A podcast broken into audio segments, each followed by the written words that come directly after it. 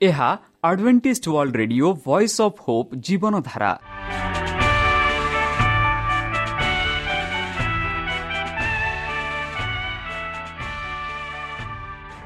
Odia radio କାର୍ଯ୍ୟକ୍ରମ ଯାହା ଆମର ଆନ୍ତର୍ଜାତୀୟ ଆଘାତ କେନ୍ଦ୍ରରୁ ପ୍ରସାରଣ କରାଯାଉଛି ପ୍ରତିଦିନ ରାତି ନଅଟା ତିରିଶ ମିନିଟ୍ରେ।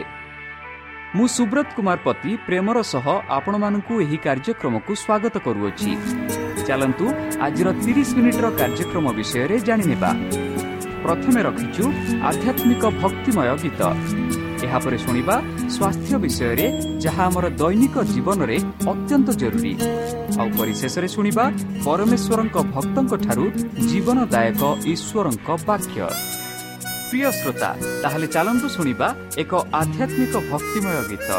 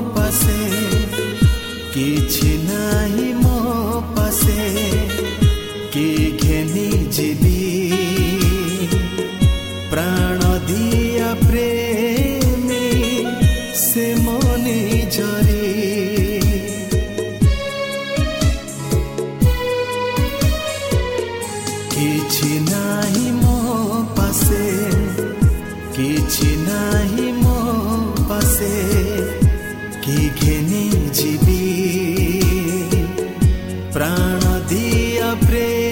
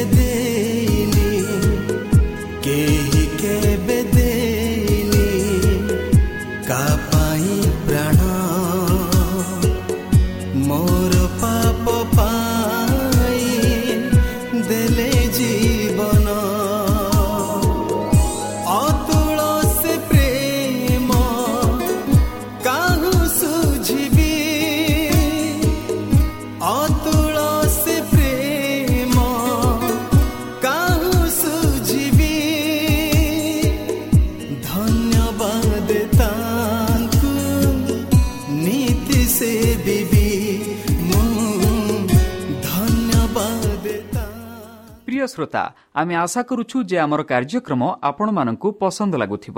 ଆପଣଙ୍କର ମତାମତ ଜଣାଇବା ପାଇଁ ଆମର ଏହି ଠିକଣାରେ ଯୋଗାଯୋଗ କରନ୍ତୁ।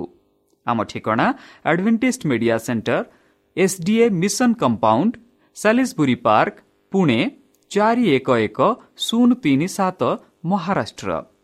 ବା ଖୋଲନ୍ତୁ ଆମର ୱେବସାଇଟ୍ ଯେକୌଣସି android phone smartphone desktop laptop କିମ୍ବା ଟ୍ୟାବ୍ଲେଟ୍ ଆମର website W W W dot A W R dot O R G slash O R I ଏବଂ W W W dot Adventist media centre India dot O R G ବର୍ତ୍ତମାନ ଚାଲନ୍ତୁ ଶୁଣିବା ଈଶ୍ୱରଙ୍କ ଭକ୍ତଙ୍କଠାରୁ ଈଶ୍ୱରଙ୍କ ଜୀବନଦାୟକ ବାକ୍ୟ ନମସ୍କାର ପ୍ରିୟ ଶ୍ରୋତା ସେହି ସର୍ବଶକ୍ତି ସର୍ବଜ୍ଞାନୀ ପ୍ରେମର ସାଗର ଦୟାମୟ ଅନ୍ତର୍ଜମୀ ଅନୁଗ୍ରହ ପରମ ପିତାଙ୍କ ମଧୁର ନାମରେ ମୁଁ ପାଷ୍ଟ ପୂର୍ଣ୍ଣଚନ୍ଦ୍ର ଆଉ ଥରେ ଆପଣମାନଙ୍କୁ ଏହି କାର୍ଯ୍ୟକ୍ରମରେ ସ୍ୱାଗତ କରୁଅଛି।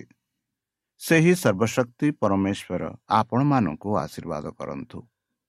ଆପଣଙ୍କୁ ସମସ୍ତ ପ୍ରକାର ଦୁଃଖ କଷ୍ଟ ବାଧା କ୍ଲେଶ ଓ ରୋଗରୁ ଦୂରେଇ ରଖନ୍ତୁ। ଶତ୍ରୁ ସୈତାନ ହସ୍ତରୁ ସେ ଆପଣଙ୍କୁ ସୁରକ୍ଷାରେ ରଖନ୍ତୁ। ତାହାଙ୍କ ପ୍ରେମ ତାହାଙ୍କ ସ୍ନେହ ତାହାଙ୍କ କୃପା ତାହାଙ୍କ ଅନୁଗ୍ରହ ସଦାସର୍ବଦା ଆପଣଙ୍କଠାରେ ସହବର୍ତ୍ତୀ ରହୁ। ପ୍ରିୟ ସତା ଚାଲନ୍ତୁ। ଆଜି ଆମ୍ଭେମାନେ କିଛି ସମୟ ପବିତ୍ର ଶାସ୍ତ୍ର ବାଇବଲଠୁ ତାହାଙ୍କ ଜୀବନଦାୟକ ବାକ୍ୟ ଧ୍ୟାନ କରିବା।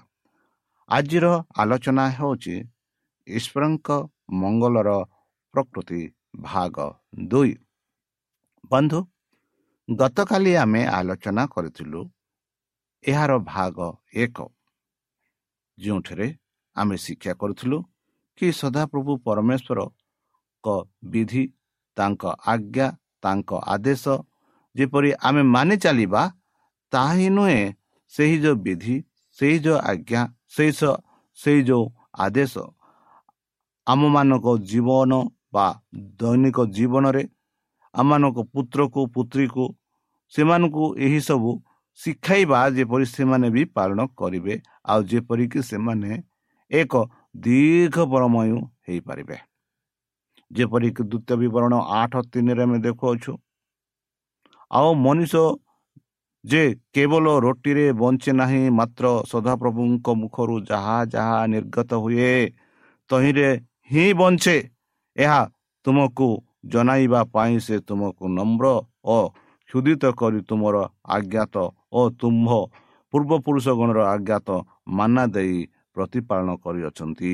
ବନ୍ଧୁ ଏହା ଆମମାନଙ୍କୁ ମନରେ ରଖିବାକୁ ହେବ ଯେ ଯେତେ ଯେତେବେଳେ ପରମେଶ୍ୱର ମାନଙ୍କୁ ଆଶ୍ୱାସନା ଦିଅନ୍ତି କି ମୁଁ ତୁମଠାରେ ଅଛି ମୁଁ ତୁମମାନଙ୍କୁ ସାହାଯ୍ୟ କରିବି ତୁମେ କିଛି ଭୟ କର ନାହିଁ। ମୁଁ ତୁମମାନଙ୍କୁ ସମସ୍ତ ପ୍ରକାର ବିପଦରୁ ରକ୍ଷା କରିବି ବୋଲି ଯେବେ ଏମାନଙ୍କୁ ପରମେଶ୍ୱର କହନ୍ତି ସେତେବେଳେ ଆମମାନେ ତାହାଙ୍କ ବାକ୍ୟରେ ବିଶ୍ୱାସ କରିବା ଉଚିତ।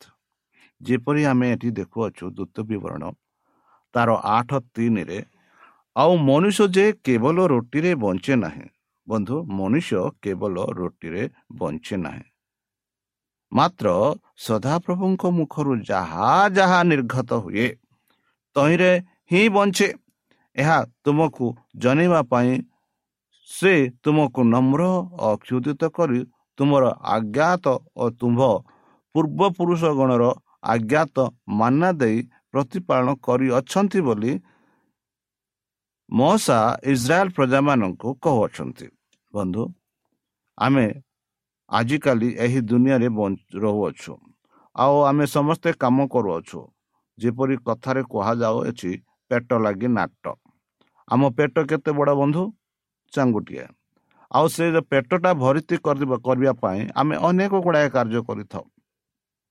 ଆମେ ବେଳେ ବେଳେ ହତ୍ୟାଚାର କରିଥାଉ ବେଳେବେଳେ ବ୍ୟବିଚାର କରିଥାଉ ବେଳେବେଳେ ଖୁନି କରିଥାଉ ବେଳେବେଳେ ଚୋର କରିଥାଉ ଆଉ ବେଳେବେଳେ ବିନା ଆକାରରେ ଧନ ଆୟତ କରିଥାଉ।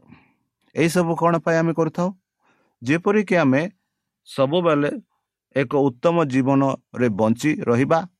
ଆଉ ଯେତେବେଳେ କି କେବେ ହେଲେ ଆମେ ଭୋକିଲା ରହିବା ନାହିଁ ଆଉ ଯାହା ଆମେ ପସନ୍ଦ କରୁ ତାହା ଆମେ ପାଇପାରିବା ଖାଇପାରିବା। ଆଉ ଯେପରି ଆମ ପୁଅ ଝିଅମାନେ ମଧ୍ୟ ଏକ ସୁନ୍ଦର ଖାଦ୍ୟ ଖାଇପାରିବେ ଆଉ ଏଥିଯୋଗୁଁ ଆମେ ଦିନ ରାତି ଆମେ କାମ କରିଥାଉ ପଇସା ଆଦୟ କରିଥାଉ। ମାତ୍ର ଏଠି ପବିତ୍ର ଶାସ୍ତ୍ର ବାଇବଲ ଆମମାନଙ୍କୁ କହୁଛି କି ରୁଟିରେ ମଣିଷ ବଞ୍ଚେ ନାହିଁ। କୌଣସି ମଣିଷ ଖାଲି ରୁଟିରେ ବଞ୍ଚେ ନାହିଁ। ଯଦି ରୁଟିରେ ବଞ୍ଚିଥାନ୍ତା ତାହେଲେ ଆଜି ମଣିଷ ବହୁ ଦିନ ବଞ୍ଚିଥାନ୍ତା। ଯେହେତୁ ଯଦି ମଣିଷ ରୁଟିରେ ହିଁ ବଞ୍ଚିଥାନ୍ତା ତାହେଲେ ମଣିଷମାନେ ମରଣ ଭୋଗି ନଥାନ୍ତେ। ଯେହେତୁ ରୁଟି ଖାଆନ୍ତି ତାହେଲେ ବଞ୍ଚିଥାନ୍ତି। ମାତ୍ର ଏଠି ଆମେ ଦେଖୁଅଛୁ ମଣିଷ କେମିତି ବଞ୍ଚିବ? ସଦାପ୍ରଭୁଙ୍କ ମୁଖରୁ ଯାହା ଯାହା ନିର୍ଘତ ହୁଏ ତହିଁରେ ସେ ହିଁ ବଞ୍ଚିବ ମାନେ ସଦାପ୍ରଭୁଙ୍କ ବାକ୍ୟ ଯେଉଁ ମଣିଷ ଶୁଣନ୍ତି ଯେଉଁ ମଣିଷ ମାନି ଚାଲନ୍ତି ଯେଉଁ ମଣିଷ ସଦାପ୍ରଭୁଙ୍କ ବିଧି ତାଙ୍କ ଆଜ୍ଞା ଆଉ ତାଙ୍କ ପ୍ରେମକୁ ଗ୍ରହଣ କରି ଚାଲନ୍ତି ସେମାନେ ବଞ୍ଚିବେ। ସେମାନେ କେବେ ହେଲେ ମରିବେ ନାହିଁ। ଯେହେତୁ ସଦାପ୍ରଭୁ ପରମେଶ୍ୱରଙ୍କ ବାକ୍ୟ ଅନନ୍ତ ସ୍ଥାୟୀ। ଯାହା ସେ କରନ୍ତି ତାହା ସଦାପ୍ରଭୁଙ୍କ ବାକ୍ୟ ହିଁ ଜୀବନ।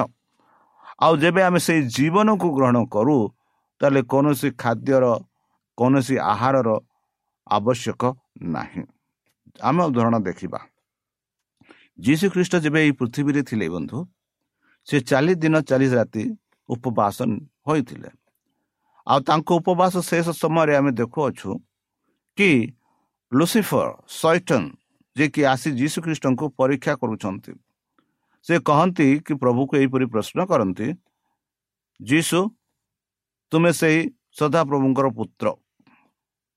ଯଦି ତୁମେ ସେହି ସଦାପ୍ରଭୁଙ୍କ ପୁତ୍ର ତାହେଲେ ତୁମେ ଏଇ ରୁଟିକୁ ଏଇ ଯେଉଁ ପଥର ଗୁଡ଼ାକୁ ଆଦେଶ ଦିଅ ଯେପରି ସେ ପଥର ଗୁଡ଼ାକ ରୁଟି ହେବ ଆଉ ଯେପରି ତୁମର ସେଇ ଭୋକକୁ ମେଣ୍ଟାଇବ। ତେବେ ଯୀଶୁ ପ୍ରଭୁ ଏହିପରି ଉତ୍ତର ଦେଇଥିଲେ ଯାହା ମଶା ଇସ୍ରାଏଲ ପ୍ରଜାମାନଙ୍କୁ ଶିକ୍ଷା ଦେଇଥିଲେ ସେ କହିଲେ ମନୁଷ୍ୟ କେବେ କେବଳ ରୁଟିରେ ବଞ୍ଚେ ନାହିଁ ମାତ୍ର ସଦାପ୍ରଭୁଙ୍କ ମୁଖରୁ ଯାହା ଯାହା ନିର୍ଗତ ହୁଏ ତହିଁରେ ସେ ବଞ୍ଚେ ବୋଲି ଯୀଶୁ ପ୍ରଭୁ ଶୟତାନଙ୍କୁ ଏହିପରି ଜବାବ ଦେଇଥିଲେ ବୋଲି ଆମେ ଦେଖୁଅଛୁ ଆଉ ସେଇ କଥା ଆମେ ସେଇ କଥା ଭବିଷ୍ୟତ ଭକ୍ତ ମଶା ଇସ୍ରାଏଲ ପ୍ରଜାମାନଙ୍କୁ କହୁଛନ୍ତି ଯାହାକି ଆମେ ପୁରାତନ ନିୟମରେ ଆମେ ଦେଖୁଅଛୁ। ଆଉ ଯେଉଁ ଘଟଣା ଘଟିଥିଲା ଯୀଶୁଙ୍କ ସମୟରେ ହେଲା ନୂତନ ନିୟମରେ। ଆଉ ଯୀଶୁ ପ୍ରଭୁ ହିଁ ଏହି କଥା କହିଥିଲେ ଆଉ ଯୀଶୁ ପ୍ରଭୁ ହିଁ ସେଇ ବାକ୍ୟ। ଯେପରି ଜହନ ଏକ ଏକରେ ଆମେ ଦେଖାଉଛୁ ସେଇ ବାକ୍ୟ ହିଁ ମଣିଷ ରୂପ ନେଲେ। ସେ ବାକ୍ୟ ହିଁ ଯୀଶୁ ପ୍ରଭୁ ଥିଲେ ବୋଲି।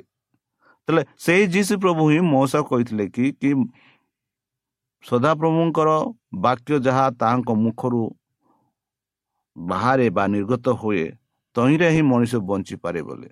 ଆଉ ସେହି ବାକ୍ୟଟା ମଶା ଇସ୍ରାଏଲ ପ୍ରଜାମାନଙ୍କୁ ବୁଝେଇ କହୁଛନ୍ତି କି ଦେଖ କେବେ ହେଲେ ଖାଦ୍ୟରେ ରୁଟିରେ ଭରସା କର ନାହିଁ। ଖାଦ୍ୟ ରୁଟି ଅଳ୍ପ ଦିନ ପାଇଁ ତୁମେ ବଞ୍ଚିପାରିବ ମାତ୍ର ଯେତେ ଯେ କେହି ସଦାପ୍ରଭୁଙ୍କ ବାକ୍ୟକୁ ଯାହା ସଦାପ୍ରଭୁଙ୍କ ମୁଖରୁ ଯାହା ଆସିଅଛି ସେଇ ବାକ୍ୟକୁ ମନେ ରଖି ପାଳନ କରିଥାଏ ନିଶ୍ଚିତ ରୂପେ ସେ ବଞ୍ଚିବ। କାରଣ ସଦାପ୍ରଭୁ ତୁମ ସେଇ ଇସ୍ରାଏଲ ପ୍ରଜାମାନଙ୍କୁ ଯେବେ ସେମାନେ ମିଶ୍ର ଦେଶରୁ କେନାନ ଦେଶକୁ ଗଲେ ସେତେବେଳେ ସେମାନଙ୍କୁ ମାନ୍ନା ପ୍ରଦାନ କରାଇଥିଲେ। ଯେପରି ସେମାନେ ସେତେ ବର୍ଷ ପାଇଁ ବଞ୍ଚିପାରିବେ ଏହା ତୁମକୁ ଜଣାଇବା ପାଇଁ ସେ ତୁମକୁ ନମ୍ର ଓ କ୍ଷୁଦିତ କରି ତୁମର ଆଜ୍ଞାତ ଓ ତୁମର ପୂର୍ବପୁରୁଷଗଣର ଆଜ୍ଞାତ ମାନା ଦେଇ ପ୍ରତିପାଳନ କରିଅଛନ୍ତି ବୋଲି ମଶା ଇସ୍ରାଏଲ ପ୍ରଜାମାନଙ୍କୁ କହୁଛନ୍ତି ଆଉ ସେହିପରି ସେହି ବାକ୍ୟ ମାନଙ୍କ ପାଖକୁ ଆସୁଅଛି। ଏହିପରି ଗୀତ ଲେଖକ ଲେଖନ୍ତି ଗୀତ ସଂଗୀତା ଏକଶହ ତିରିଶ ଚାରିରେ ସେ କହନ୍ତି ମାତ୍ର ତୁମକୁ ଯେପରି ଭୟ କରାଯାଏ ଏଥିପାଇଁ ତୁମର ତୁମଠାରେ କ୍ଷମା ଅଛି। ବନ୍ଧୁ ଯେବେ ଆମେ ପରମେଶ୍ୱରଙ୍କୁ ଭୟ କରିବା କେବେ ଆମେ ଭୟ କରିବା? ଯେବେ ପରମେଶ୍ୱର ମାନଙ୍କୁ ଏହା କର ନାହିଁ ବୋଲି କହିଛନ୍ତି ଆଉ ଯେବେ ଆମେ ତା ସେଇ କାମ କରୁଅଛୁ ସେତେବେଳେ ଆମେ ଭୟ କରିବାକୁ ଉଚିତ। ଯେବେ ପରମେଶ୍ୱର କହିଛନ୍ତି ସେଇ ଦଶ ଆଜ୍ଞାରେ କି ତୁମେ ମିଥ୍ୟା ସାକ୍ଷ୍ୟ ଦିଅ ନାହିଁ କି ମିଥ୍ୟା କଥା କୁହ ନାହିଁ କି ଚୋରି କାମ କର ନାହିଁ କି ନରହଂସା କର ନାହିଁ ଯେବେ ଆମେ ଏଇସବୁ କରୁଛୁ ତାହେଲେ ଆମେ ନିଶ୍ଚିତ ଭାବରେ ଭୟ କରିବା ଉଚିତ। ଯେବେ ଆମେ ଭୟ କରୁଛୁ ଆଉ ଯେବେ ଆମେ ସମର୍ପଣ କରି ତାଙ୍କଠୁ ସ୍ୱୀକାର କରୁଛୁ ସଦାପ୍ରଭୁ ପରମେଶ୍ୱର ଆମକୁ କ୍ଷମା କରନ୍ତି। କାହିଁକି?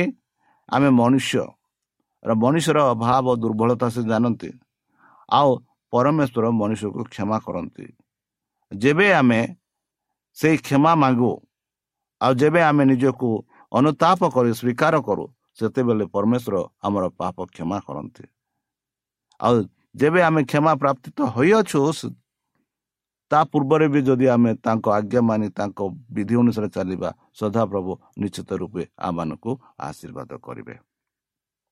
ପିଲିପିଓ ତାର ଚାରି ଉଣେଇଶରେ ସାଧୁପାଲ କହନ୍ତି ଏହିପରି ପୁଣି ମହର ଈଶ୍ୱର ଖ୍ରୀଷ୍ଟ ଯୀଶୁଙ୍କଠାରେ ତାହାଙ୍କର ଗୌରବମୟ ଐଶ୍ୱର୍ଯ୍ୟ ଅନୁସାରରେ ଅନୁସାରେ ତୁମମାନଙ୍କର ପ୍ରତ୍ୟେକ ଅଭାବ ପୂରଣ କରିବେ। ବନ୍ଧୁ ଯେତେ ମାନବ ଏହି ପୃଥିବୀରେ ବାସ କରୁଅଛି ଯେକୌଣସି ଅଭାବ ବି ଥାଏ ଧନୀ ହଉ ବା ଗରିବ ହଉ ଶିକ୍ଷିତ ହଉ ବା ଅଶିକ୍ଷିତ ହଉ ଛୋଟ ହଉ ବା ବଡ଼ ହଉ ସମସ୍ତଙ୍କର କିଛି ବା କିଛି କିଛି ନା କିଛି ଅଭାବ ଅଛି। ଆଉ ସେହି ସଦାପ୍ରଭୁ ପରମେଶ୍ୱର ତାହାଙ୍କ ଗୌରବମୟ ଐଶ୍ୱର୍ଯ୍ୟ ଅନୁସାରେ ଆମମାନଙ୍କ ପ୍ରତ୍ୟେକ ଅଭାବକୁ ପୂରଣ କରନ୍ତି।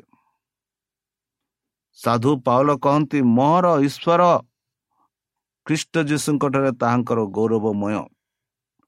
ସେ କହନ୍ତି ସେଇ ଖ୍ରୀଷ୍ଟ ଯୀଶୁ ସେହି ପରମେଶ୍ୱର ଆମମାନଙ୍କର ପ୍ରତ୍ୟେକ ଅଭାବ ପୂରଣ କରିବେ। କେବେ ହେଲେ ସେ ଛାଡ଼ିବେ ନାହିଁ। ଯେତେ ଲୋକ ତାହାଙ୍କୁ ଭୟ କରନ୍ତି ଯେତେ ଲୋକ ତାହାଙ୍କୁ ପ୍ରେମ କରନ୍ତି ଯେତେ ଲୋକ ତାହାଙ୍କ ଆଜ୍ଞା ମାନି ଚାଲନ୍ତି ସେମାନଙ୍କୁ ପରମେଶ୍ୱର ସେମାନଙ୍କର ଅଭାବରେ କେବେ ହେଲେ ଛାଡ଼ିବେନି ବରଂ ସେମାନଙ୍କ ଅଭାବକୁ ପୂରଣ କରିବେ ସେମାନଙ୍କୁ ସାହାଯ୍ୟ କରିବେ ସେମାନଙ୍କ ସହବର୍ତ୍ତୀ ରହିବେ ସେମାନଙ୍କୁ ଏକ ଶାନ୍ତି ଜୀବନରେ କଢ଼ାଇ ନେବେ ବୋଲି ଆମେ ଦେଖୁଅଛୁ। ବନ୍ଧୁ ସେହିପରି ଯଦି ଆମେ ଆଗକୁ ଦେଖିବା ଗୀତ ସଙ୍ଗୀତା ତାର ତିନି ନଅରେ ଆମେ ଦେଖୁଅଛୁ ସେଠି ଗୀତ ଲେଖକ ଏହିପରି ଲେଖୁଅଛନ୍ତି ସେ କହନ୍ତି ସେ ନିରନ୍ତର ଧମକାଇବେ ନାହିଁ କିମ୍ବା ସଦାକାଳ ଆପଣା କ୍ରୋଧ ରଖିବେ ନାହିଁ ବନ୍ଧୁ କେବେ ହେଲେ ପରମେଶ୍ୱର ଯେବେ ଆମେ ପାପ କରିଥାଉ ଯେବେ ଆମେ ନିଜକୁ ଅନୁତାପ କରି ଆମ ପାପ ସ୍ୱୀକାର କରିଥାଉ ଆଉ ପ୍ରଭୁ ସେତେବେଳେ ହିଁ ଆମ ପାପକୁ ଭୁଲି ଯାଆନ୍ତି ଆଉ ଯେବେ କେବେ ହେଲେ ଆମକୁ ଧମକାଇବେ ନାହିଁ। ଆଉ ସଦାକାଳ ସଦାକାଳ କେବେ ଆପଣା କ୍ରୋଧ ଆମ ଉପରେ ସେ ରଖିବେ ନାହିଁ ବୋଲି ଗୀତ ଲେଖକ ଲେଖୁଛନ୍ତି।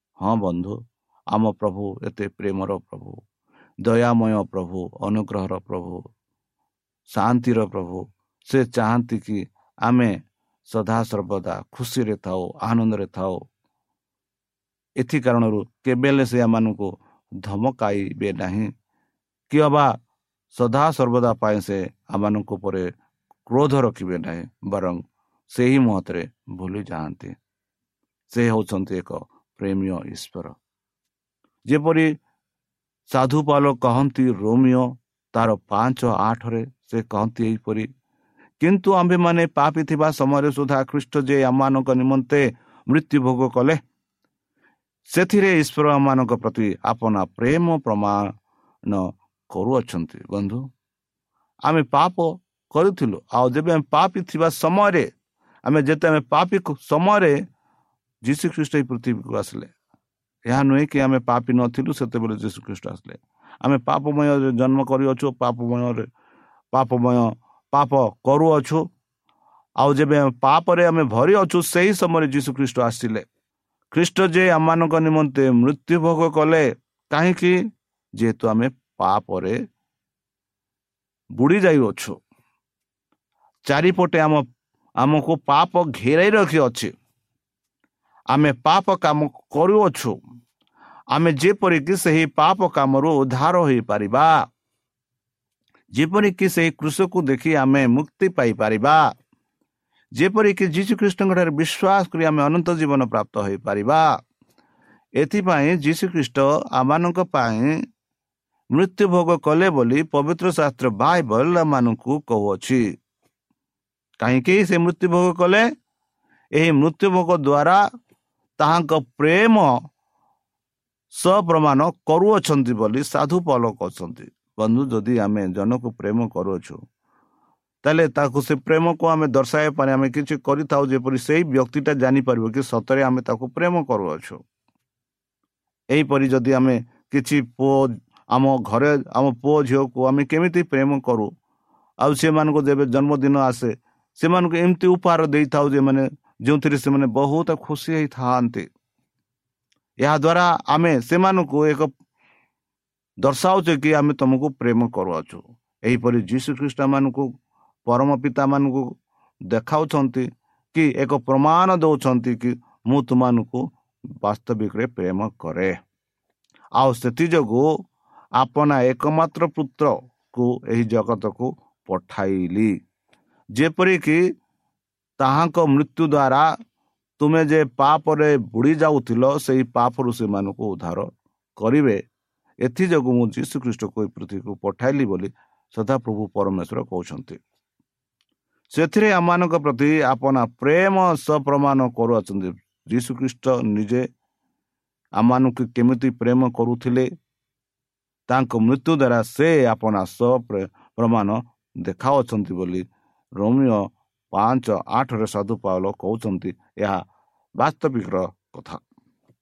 ଏଭଳି ସାତ ପଚିଶରେ ଆମେ ଦେଖୁ ବନ୍ଧୁ ଅତ ଏବେ ତାହାଙ୍କ ଦ୍ୱାରା ଯେଉଁମାନଙ୍କ ଈଶ୍ୱରଙ୍କ ନିକଟବର୍ତ୍ତୀ ହୁଅନ୍ତି ସେମାନଙ୍କୁ ସେ ସମ୍ପୂର୍ଣ୍ଣ ରୂପେ ପରିତ୍ରାଣ ଦେବାକୁ ସକ୍ଷମ ଅଟନ୍ତି ଯେଉଁ ସେମାନଙ୍କର ନିମନ୍ତେ ନିବେଦନ କରିବା ପାଇଁ ସେ ନିତ୍ୟ ଜୀବିତ ବନ୍ଧୁ ସଦାସର୍ବଦା ପରମେଶ୍ୱର ଯୀଶୁଖ୍ରୀଷ୍ଟ ସଦାସର୍ବଦା ଆମମାନଙ୍କ ପାଇଁ ଯୋଗ୍ୟ ଅଛନ୍ତି ସେମାନଙ୍କୁ ଯେପରି ନିବେଦନ କରିବେ କି ଏହା ମୋର ପୁତ୍ର ଏହା ମୋର ଭାଇ ଏ ମୋର ଭଉଣୀ ଏମାନଙ୍କ ପାଇଁ ମୋ ନିଜ କୃଷରେ ହତ ହେଉଛି ପ୍ରଭୁ ପରମେଶ୍ୱର ଏମାନଙ୍କ ପାପ କ୍ଷମା କର।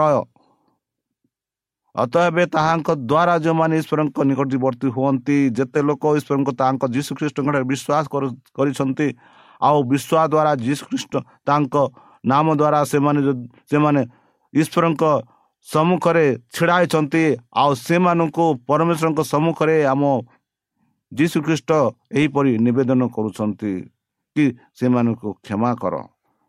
ସେମାନଙ୍କୁ ମୋ ରକ୍ତ ଦ୍ୱାରା କିଣି ଅଛି। ସେମାନଙ୍କ ପାଇଁ ମୁଁ ମୃତ୍ୟୁ ହୋଇଅଛି। ସେମାନଙ୍କୁ କ୍ଷମା କର ବୋଲି ଯୀଶୁଖ୍ରୀଷ୍ଟ ପରମ ପିତାଙ୍କ ସମ୍ମୁଖରେ ଛିଡ଼ା ହୋଇ ଆମମାନଙ୍କ ପାଇଁ ନିବେଦନ କରିବେ ବୋଲି ପବିତ୍ର ଶାସ୍ତ୍ର ବାଇବଲ କହୁଅଛି। ବନ୍ଧୁ ଜହନ ଚଉଦ ଦୁଇରେ ଆମେ କହୁଛୁ ମୋର ପିତାଙ୍କ ଗୃହରେ ଅନେକ ବାସସ୍ଥାନ ଅଛି। ଯଦି ନଥାନ୍ତା ତାହେଲେ ମୁଁ ତୁମମାନଙ୍କୁ କହିନଥାନ୍ତି ମୁଁ ତୁମମାନଙ୍କ ନିମନ୍ତେ ସ୍ଥାନ ପ୍ରସ୍ତୁତ କରିବାକୁ ଯାଉଅଛି। ବନ୍ଧୁ ଯେବେ ଯୀଶୁ ଖ୍ରୀଷ୍ଟ ଏହି ବିଷୟ କହିଲେ ସେହି ଶିଷ୍ୟମାନଙ୍କୁ ସେମାନେ ଯେବେ କହିଲେ କି ମୁଁ ଆଉ ଏଇ ପୃଥିବୀରେ ନଥିବି ମୁଁ ଚାଲିଯିବି ସେତେବେଳେ ସେମାନଙ୍କ ହୃଦୟର ଉଦ୍ବିଗ୍ନ ହୋଇଥିଲା। ଆଉ ସେମାନଙ୍କର ମନୋଭାବନା ଦେଖି ଯୀଶୁ ଖ୍ରୀଷ୍ଟ ଏହିପରି କଲେ ତୁମେ ଦୁଃଖ କର ନାହିଁ ମୁଁ ସେ ସ୍ୱର୍ଗରାଜକୁ ଯାଉଛି।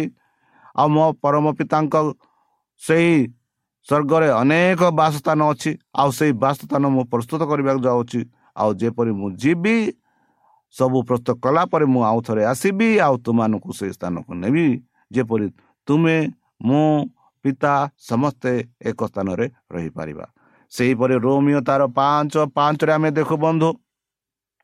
ଆଉ ଭରସା ଲଜ୍ଜା ଦିଏ ନାହିଁ କାରଣ ଆମମାନଙ୍କ ପଦତ୍ଵ ପବିତ୍ର ଆତ୍ମାଙ୍କ ଦ୍ୱାରା ଆମମାନଙ୍କର ହୃଦୟରେ ଈଶ୍ୱରଙ୍କ ପ୍ରେମ ପରିତ୍ୟପ୍ତ ହୋଇଅଛି। ଆମେ କେବେ ହେଲେ ଆଉ ଭରସା ଲଜ୍ଜିତ ହେବାକୁ ନାହିଁ। ଯେହେତୁ ଈଶ୍ୱରଙ୍କ ପ୍ରଦତ୍ତ ପବିତ୍ର ଆତ୍ମାଙ୍କ ଦ୍ୱାରା ଆମମାନଙ୍କ ହୃଦୟରେ ଈଶ୍ୱରଙ୍କ ପ୍ରେମ ପରିବ୍ୟାପ୍ତ ହୋଇଅଛି। ବନ୍ଧୁ ଏହିପରି ଯଦି ଆମେ ଦେଖିବା ଲୁକ ତାର ଏଗାର ତେରରେ ଏଣୁ ତୁମାନେ ଦୁଷ୍ଟ ହେଲେ ସୁଦ୍ଧା ଦେବେ ଆପଣା ଆପଣା ପିଲାମାନଙ୍କୁ ଉତ୍ତମ ଉତ୍ତମ ଦାନ ଦେଇ ଜାଣ ତେବେ ଯେଉଁ ପିତା ସ୍ୱର୍ଗରୁ ଦାନ କରନ୍ତି ସେ ତାହାଙ୍କ ସାମରେ ମାଗିବା ଲୋକମାନଙ୍କୁ କେତେ ଅଧିକ ରୂପେ ପବିତ୍ର ଆତ୍ମା ଦେବେ ନାହିଁ ବନ୍ଧୁ? ଯେଉଁ ମାନବ ଆପଣା ମାନବ ଜାତିର ପୁଅ ଝିଅକୁ ସେ ଚାହାନ୍ତି କି ତାଙ୍କ ପୁଅ ଝିଅମାନଙ୍କୁ ବା ସନ୍ତାନ ସନ୍ତତି ମାନଙ୍କୁ ଉତ୍ତମ ଉତ୍ତମ ପ୍ରଦାନ ଦେବାକୁ ଚାହାନ୍ତି ତାହେଲେ ଆମ ଯେଉଁ ସ୍ୱର୍ଗତ ପିତା ସେ ଆମମାନଙ୍କୁ ସେ ଯେଉଁ ଉତ୍ତମରୁ ଉତ୍ତମ ଦେବାକୁ ସେ ଚାହାନ୍ତି।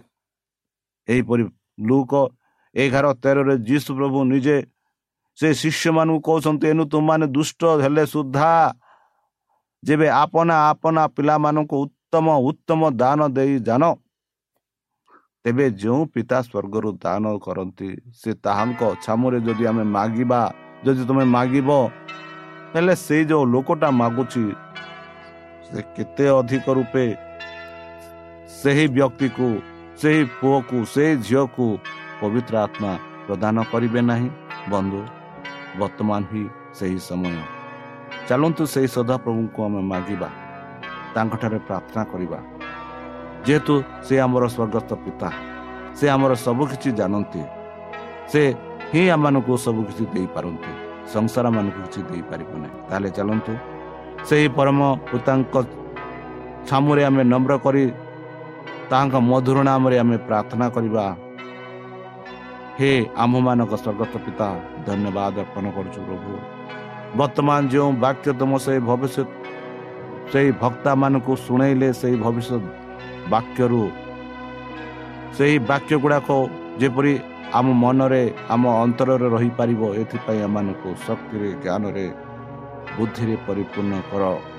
ସେହି ପବିତ୍ର ଆତ୍ମା ଦ୍ୱାରା ଏମାନଙ୍କୁ ପରିଚାଳନା କର। ପ୍ରତ୍ୟେକ ଦୁଃଖ କଷ୍ଟ ବାଧା କ୍ଲେଶରୁ ଦୂରେଇ ରଖ। ଶତ୍ରୁ ସୈତାନ ହସ୍ତରୁ ଆମମାନଙ୍କୁ ସୁରକ୍ଷାରେ ରଖ। ହେ ପରମେଶ୍ୱର ପରିଶେଷ ଯେବେ ତୁମେ ତୁମ ସେହି ସହସ୍ର ଦୂତଙ୍କ ସହ ଆସିବେ ସେତେବେଳେ ଆମମାନଙ୍କୁ ଏକ ବାସସ୍ଥାନ ଦିଅ ବୋଲି ତ୍ରାଣକର୍ତ୍ତା ପ୍ରଭୁ ଯୀଶୁଙ୍କ ମଧୁରମୟ ନାମରେ ଏହି ଛୋଟ ବିଚାମ ଅଛି। ଶୁଣି ଗ୍ରହଣ କର। ଆମେନ୍ ପ୍ରିୟ ଶ୍ରୋତା ଆମେ ଆଶା କରୁଛୁ ଯେ ଆମର କାର୍ଯ୍ୟକ୍ରମ ଆପଣମାନଙ୍କୁ ପସନ୍ଦ ଲାଗୁଥିବ। ଆପଣଙ୍କର ମତାମତ ଜଣାଇବା ପାଇଁ ଆମର ଏହି ଠିକଣାରେ ଯୋଗାଯୋଗ କରନ୍ତୁ। ଆମ ଠିକଣା Adventist media centre SDA mission compound Salisbury park Pune ଚାରି ଏକ ଏକ ଶୂନ ତିନି ସାତ ମହାରାଷ୍ଟ୍ର। ବା ଖୋଲନ୍ତୁ ଆମର ୱେବସାଇଟ୍ ଯେକୌଣସି android phone smartphone desktop laptop କିମ୍ବା ଟ୍ୟାବ୍ଲେଟ୍ ଆମର website W W W dot A W R dot O R G slash O R I ଏବଂ W W W dot adventist media centre India dot O R G adventist media centre ଇଣ୍ଡିଆର spelling ହେଉଛି A D V E N T I S T M E D I A C E N T R E I N D I A ଅଥବା download କରନ୍ତୁ ଆମର mobile app ଆପଣଙ୍କର mobile play ଷ୍ଟୋରକୁ ଯାଆନ୍ତୁ ଆଉ type କରନ୍ତୁ the voice of hope ଆଉ download କରନ୍ତୁ। ଈଶ୍ୱର ଆପଣଙ୍କୁ ଆଶୀର୍ବାଦ କରନ୍ତୁ। ଧନ୍ୟବାଦ।